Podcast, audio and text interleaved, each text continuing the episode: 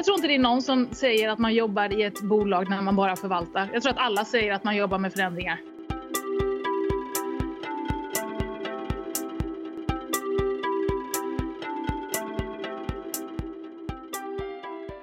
Hej och varmt välkomna till ett nytt avsnitt av podden Framtidskraft. Jag heter Karin Bodén. Och jag heter Daniel Löfstedt. Idag så ska vi möta en bransch som har kommit betydligt längre i sin transformation än vad vi i energibranschen har gjort. På kort tid så har hela nyhetsmediernas verklighet kastats om från papper till digitalt. Och med det har den gamla affärsmodellens lönsamhet minskat rejält. Mm, nya aktörer tar över annonsaffären och läsarna hittar nya nyhetskällor. De traditionella medierna har inget annat val än att förändra. Idag så möter vi Lina Hedenström. Hon är chef för den stora lokalmediekoncernen NTM. Och vi börjar med att fråga henne vad det är hon gillar med sitt jobb. Det är nog eh, hela eh, förändringsresan vi håller på med. Hela den omställningen. Och eh, få jobba eh, med förändring, med duktiga människor, med ett gott syfte. Vi driver demokratin vidare i Sverige eh, och det fria ordet på våra lokala orter. Och det är en stark så här, motivationsfaktor eh, med ett sånt eh, syftesdrivet bolag. Och få vara med och skapa historia. Det är ju tidningshistoria vi håller på med. Varför är det så roligt med förändringsresan i sig? Eh, men det är väl mer det här med att göra saker man inte har gjort innan. Det finns ju någonting som man får energi av i det. Eh, och att man kastas ut och får tänka nya tankar, nya frågeställningar som man stimuleras utifrån det. Eh, än att bara göra samma sak hela tiden. Eh, det är väl nyfikenheten som triggas i det. Mm. Skulle jag säga. Så du skulle inte kunna vara tidningskoncernschef för 20 eh, år sedan? Svårt att säga. Jag tror att man, tycker väl alltid att...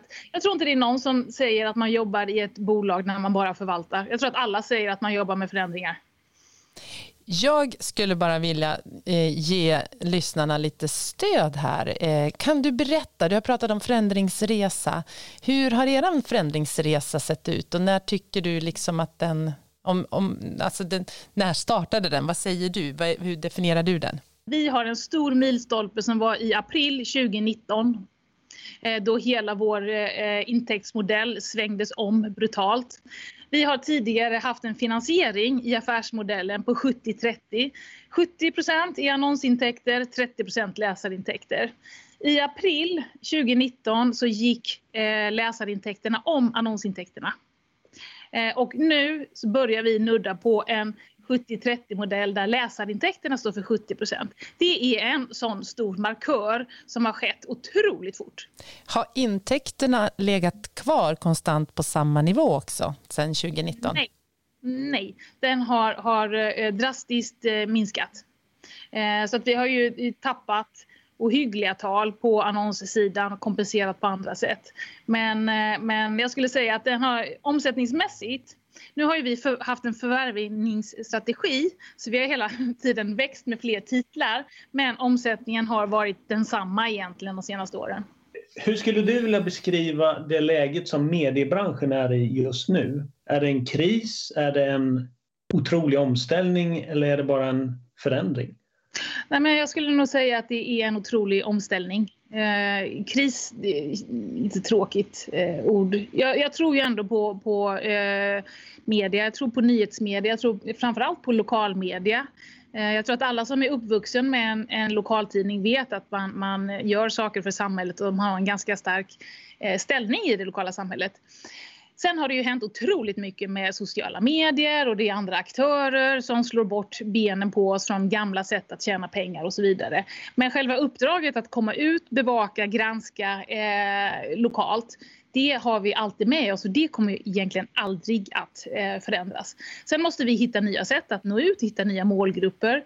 Jag menar, kolla på ungdomar idag. Det första de gör när de flyttar hemifrån det är inte att teckna en tidningsprenumeration som man kanske gjorde förr. Eller jag vill tro att man gjorde så förr i alla fall.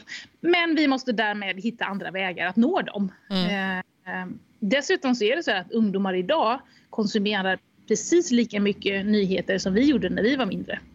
Eh, så att man tror det här med att ungdomar inte läser tidningar eller tittar på nyheterna. Nej, men de får till sig eh, nyheter på andra sätt. Och, och vad, er, vad, blir er strategi då om ni märker att ni tappar marknadsandelar? Eh, vad, vad, vad, blir er strategi? Hur möter ni upp det?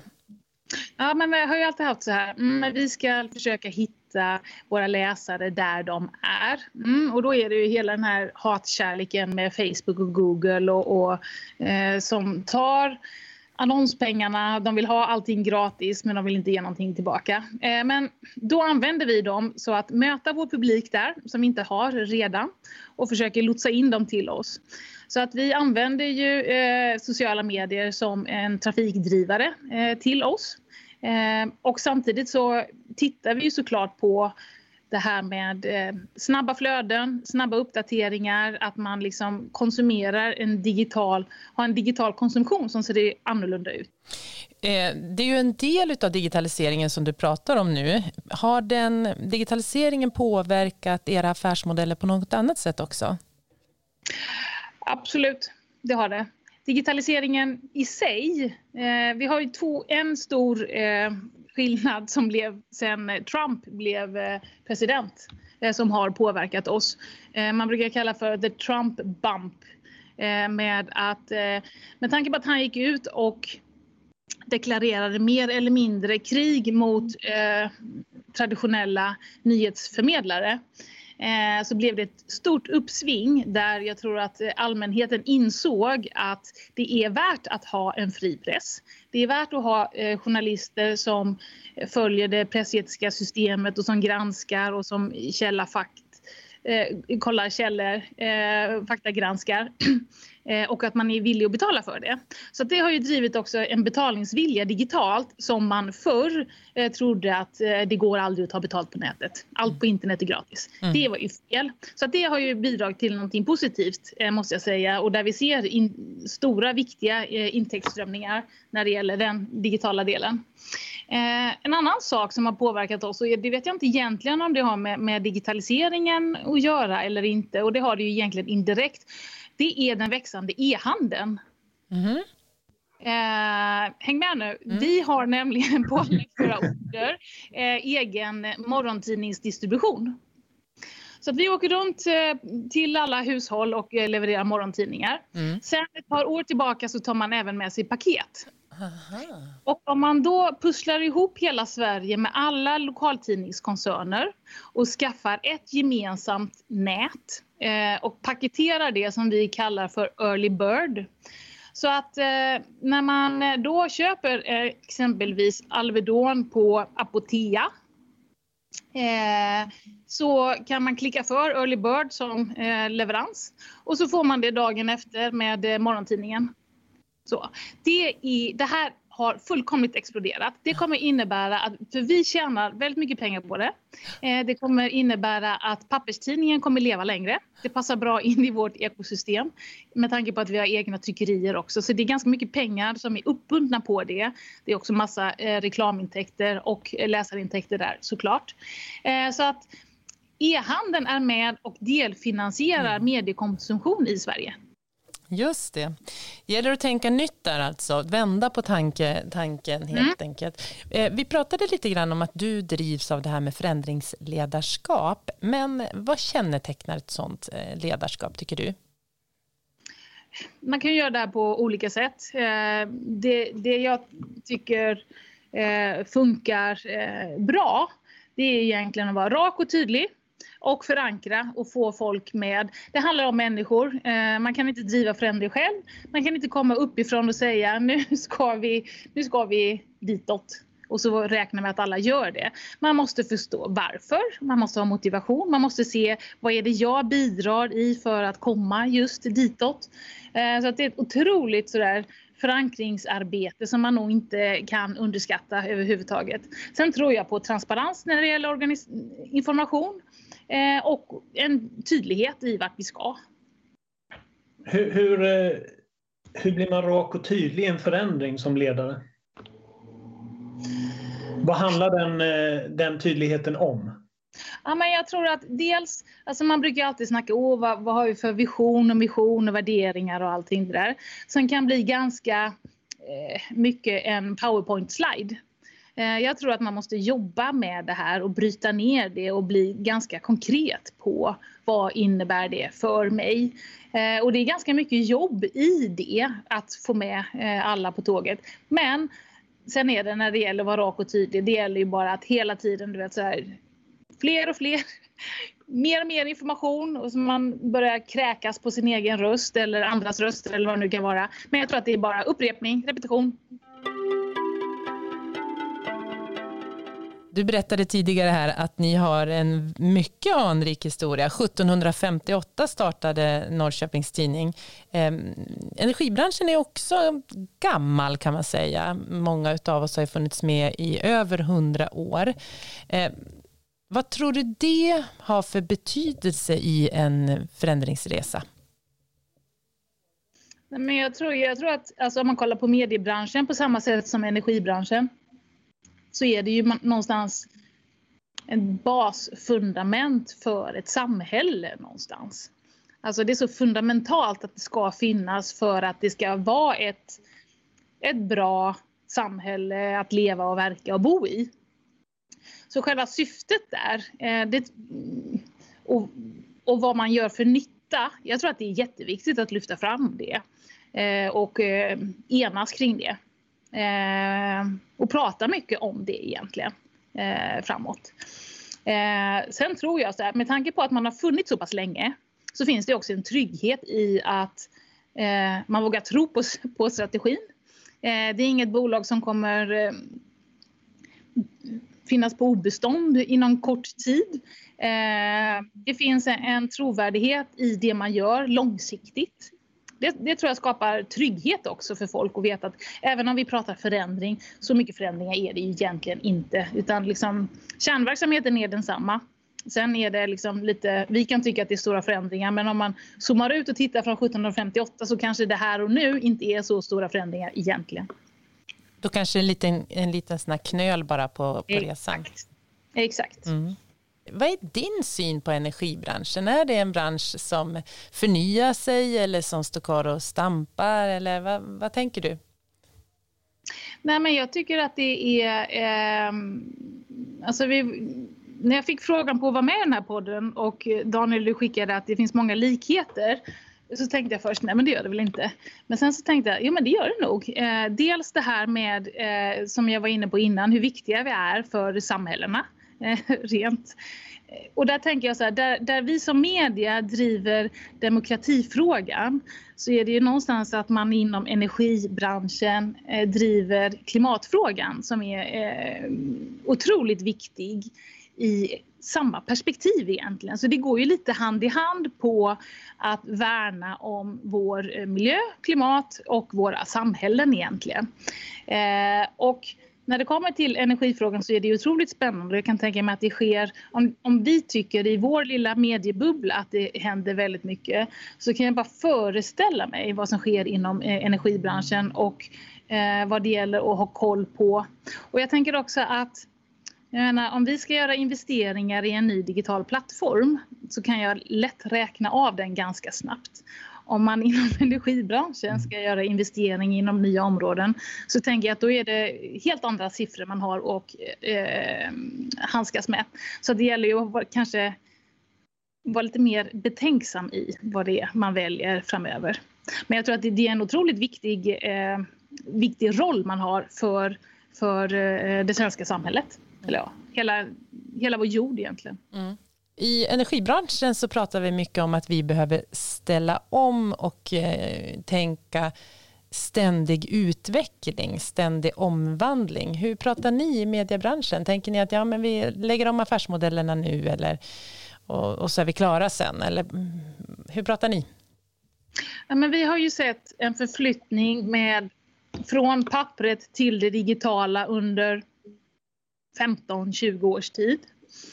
Eh, vi har behövt, alltså under 15-20 års tid, behövt göra besparingar, nedbemanningar, effektiviseringar.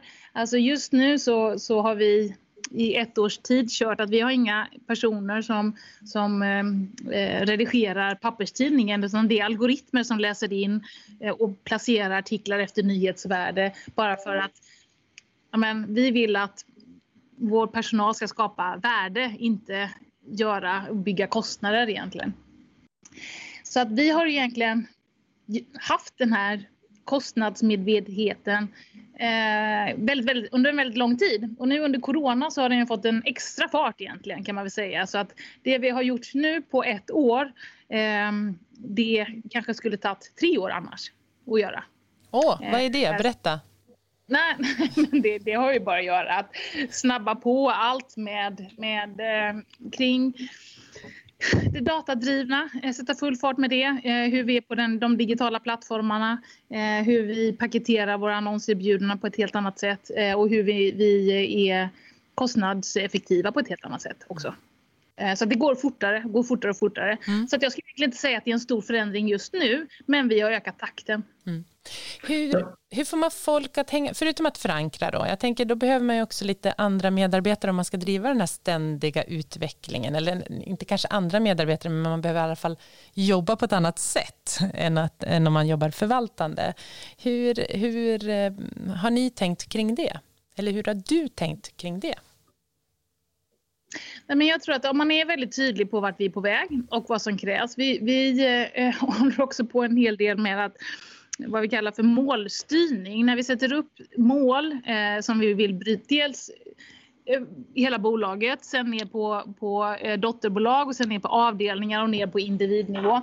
Så vi, vi har ganska stor koll på så att vi är tillräckligt effektiva så att det inte finns något så här någon som gör fel saker eller inte som levererar som vi tror. Eh, och jag tror att om man synliggör det här då vill man ha folk, då, då trivs folk om man känner att man bidrar och att man gör någonting. Om man känner att man inte bidrar eller att man inte är med på den förändringsresa som vi vill göra, då tror jag att det är ganska självsanerande. Att då, då, då trivs man inte på jobbet helt enkelt. Så. Eh, vi pratar i energibranschen om att eh, det finns en risk att om man inte hoppar på här och är med och är förändringsbenägen så finns det en risk att man står utan intäkter eh, när förändringarna har blåst tillräckligt mycket. Om vi tittar i backspegeln, du nämnde här innan att det har varit eh, rätt många år med in, ja, besparingar och vikande intäkter och sådär. Skulle du kunna se att medieaktörer och ni då kanske borde ha agerat annorlunda tidigare för att haka på förändringen och ha ett starkare ekonomiskt eh, läge nu? Ja, men eh, gör man inte alltid så? Jag tror att i allt man gör så borde man ha gjort det här för länge sedan och man borde ha börjat tidigare och man skulle inte gjort det där. Liksom, sådär. Eh, och det tror jag är en del av drivkraften. Eh, mycket är det om man kollar i vår bransch, med tanke på att vi är som en lokalmediebransch, så samarbetar vi väldigt, väldigt mycket med andra lokalmediekoncerner i Sverige för att vi konkurrerar egentligen inte. Utan vi har väldigt öppna och transparenta erfarenhetsutbyten och samarbeten. Eh, och då är det alltid, om det är någon som hoppar på någon fluga kring någonting som gäller eh, vår eh, verksamhet så blir man genast, shit det där borde vi också göra, vi borde göra det nu och varför har vi inte gjort det här tidigare och så börjar man liksom dribbla igång där liksom. Eh, men jag tänker också att eh, allt hinner ikapp i sinom tid på något sätt. Det viktiga är tror jag att hela tiden vara lyhörd inför eh, förändringar och att hela tiden eh, anpassa sig. För att om man gör exakt samma som man gjorde för ett år sedan eh, då, eh, kommer man, då kommer man slås ut. De här eh, Facebook, Google, streamingtjänster, eh, alltså det kan ju vara Spotify eller vad som helst då. Tror du att man kunde ana dem för ja, men, eh, sju, åtta år sedan? Fanns de med där på er karta då?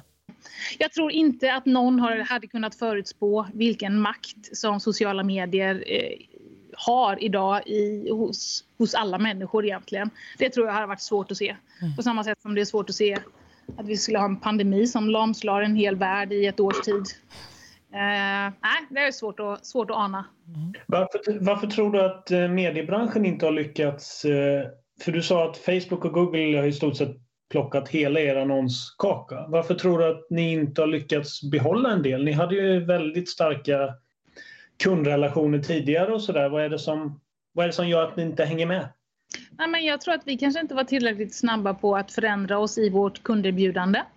Eh, och sen så en prisfråga också, tror jag. Alltså Facebook och Google, de, eh, har, ju, de har ju tagit ett rejält kliv neråt eh, på att ta betalt när det gäller annonsering som såklart driver volym å andra sidan.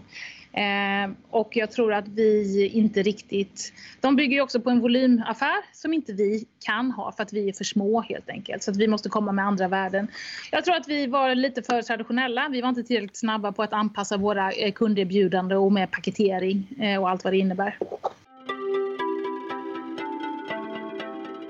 Vad har ni för liksom, utvecklingsutmaningar framför er? Oj, oj, oj. Det är 10 000 kronors fråga. Men vi håller på just nu i alla fall och lägger, vi har en treårsplan på eh, där vi har satt vad, vilket bolag vill vi vara om tre år? Mm. Eh, och du vet, om man börjar i den målbilden och sen bryter ner, okej, okay, men hur kommer vi dit och vad krävs för oss att göra det? Mm. Och där är det egentligen att eh, hitta eh, affärsmodellen i läsaraffären att fortsätta med det med yngre målgrupper, med jämställd bevakning, med inkludering, hela den biten som vi ändå tror kommer ge mer eh, intäkter och bättre journalistik helt enkelt som kommer vara relevant för fler. Så kan det... ni särskilja er där eller? Ja, men vi, vi jag vet inte. Eh, vi driver på just nu ett ganska stort jämställdhetsarbete för att få upp det på agendan. Eh, I all nyhetsbevakning, om man läser en tidning eller kollar online eller vad det nu kan vara, eh, så är det så att det är 70% män som antingen är på bilden eller som får uttala sig eller vad det handlar om. Och 30% kvinnor om man hårdrar det. Sen går det att bryta ner det här. Eh, nu har vi dragit in ett system som mäter det här per journalist varje dag hela tiden och följer vi upp det här för att få en mer jämställd bevakning. Det handlar om vilken expert får uttala sig i vissa frågor eller vilka gör man case på eller vad, vad det nu kan vara. Liksom så. Och där driver vi stenhårt det här med jämställdhet för att det passar väl in i våra övriga liksom, värderingar när det gäller demokrati och ett bättre samhälle och allting det. Eh, det driver vi på eh, stenhårt just nu. Det är ju suveränt, vilket bra, jag antar att det är ett digitalt verktyg ni har eh, till er hjälp där, så där har vi ju ja. väldigt bra användningsområde. Mm. Och där, jag vet inte egentligen om det är så här, det, det ser lika dåligt ut för, för hela branschen, mm. men där tänker jag så här, här finns det en strukturell, eh, ett strukturellt problem i samhället. Här har vi eh, makt och vi har förmåga att kunna göra någonting åt det. Mm. Och då är det ett ansvar som jag tycker att man måste göra. Mm. Eh, så det är en sak som vi driver i läsaraffären. Sen är det på den kommersiella sidan, på tal om utmaningar, ja, men det är att hitta de här paketeringarna som våra lokala eh, annonsköpare vill ha och som ger effekt. Eh, och vi spinner även vidare på e-handeln och erbjuder e-handelslösningar på alla våra titlar som kopplar då till vår distribution också. Mm. Så det är egentligen i de, de delarna som, som vi driver framåt som vi ska hitta en lönsamhet kring. Nu kommer en annan sån här 10 000 kronors fråga. Mm. Hur ser tidningsbranschen ut om fem år? Eh, nej men, om man drar ut kurvorna som det ser ut nu, eh, om man vet, ska jobba med så här trend, det håller ju aldrig i och för sig då, men om, det är ju det enda man har att utgå ifrån. Eh, så är det så att eh, papperstidningen kommer fortsätta sjunka i, i upplaga. Mm. Men den kommer absolut finnas där, den kommer vara relevant och många kommer fortsatt älska den. Den kommer vara för NTMs titlar fortfarande lika tjock. Eh, för det är ganska viktigt det här hur den känns i, i, i handen när man plockar den. Eh, vi ska ha en bra tidningsprodukt, eh, det har vi sagt. Det är viktigt. Sen kommer de digitala abonnemangen vara betydligt fler. De kommer vara dubbelt så många som vi har idag. Mer än dubbelt så många. Och det kommer vara en lönsam affär. Vi kommer ha otroligt vass journalistik. Vi kommer också tilltala yngre människor och flera målgrupper helt enkelt. Det där, var ingen, det, det där var ingen 10 000 kronors fråga för dig, det där hade du på dina fem fingrar. ja, vi får se. Ja. Mm. Då, Lina Hedenström, tack så jättemycket för att du gav, dig, gav oss din tid och eh, bjöd på så många insikter. Mm. Jätteroligt att ha dig med här i podden Framtidskraft. Mm. Tack så mycket. Så långt Lina Hedenström som alltså är chef för lokalmediakoncernen NTM. Det hörs ju på Linas resonemang här att de har ju varit i ett väldigt skarpt läge som vi i energibranschen kanske ännu inte har nått till. Att de bara måste hitta mm. nya intäkter. Det, det är ett um, förändringstempo som är väldigt högt tycker jag genomsyrar hela intervjun på något sätt. Mm. Och, och, vi kan ju fortfarande titta oss lite runt omkring och fundera på vilka alternativ vi har. Vart ska vi, var, vilken väg ska vi ta? Vilken väg ska vi gå in på? Medan det kändes som att de hade betydligt mer kniven mot strupen än vad vi, vi har. Men du, det här med digitaliseringskraft med, och sociala medier och vad det skulle betyda för mediebranschen, det var det ingen som kunde förutspå. Och jag tänker lite så här, vilken kraft är det som vi har, som vi kommer att drabbas av eller kunna få mm. nyttja som vi inte kan förutspå idag som kommer att påverka energibranschen i grunden?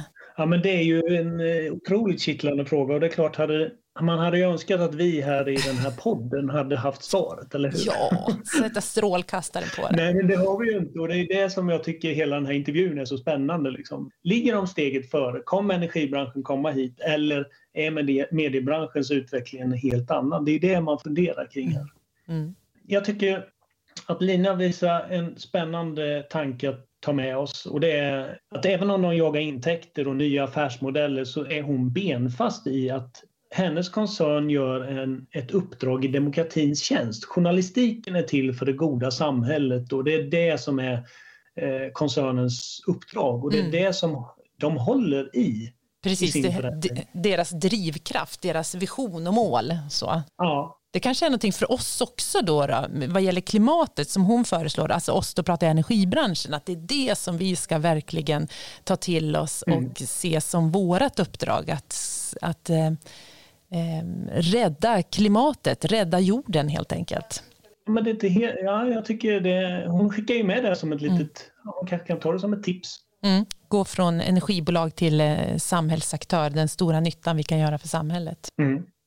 Ja, och med de höga tankarna då Daniel, känner vi att vi har knutit ihop säcken klart? Det tycker jag, som vanligt. Va?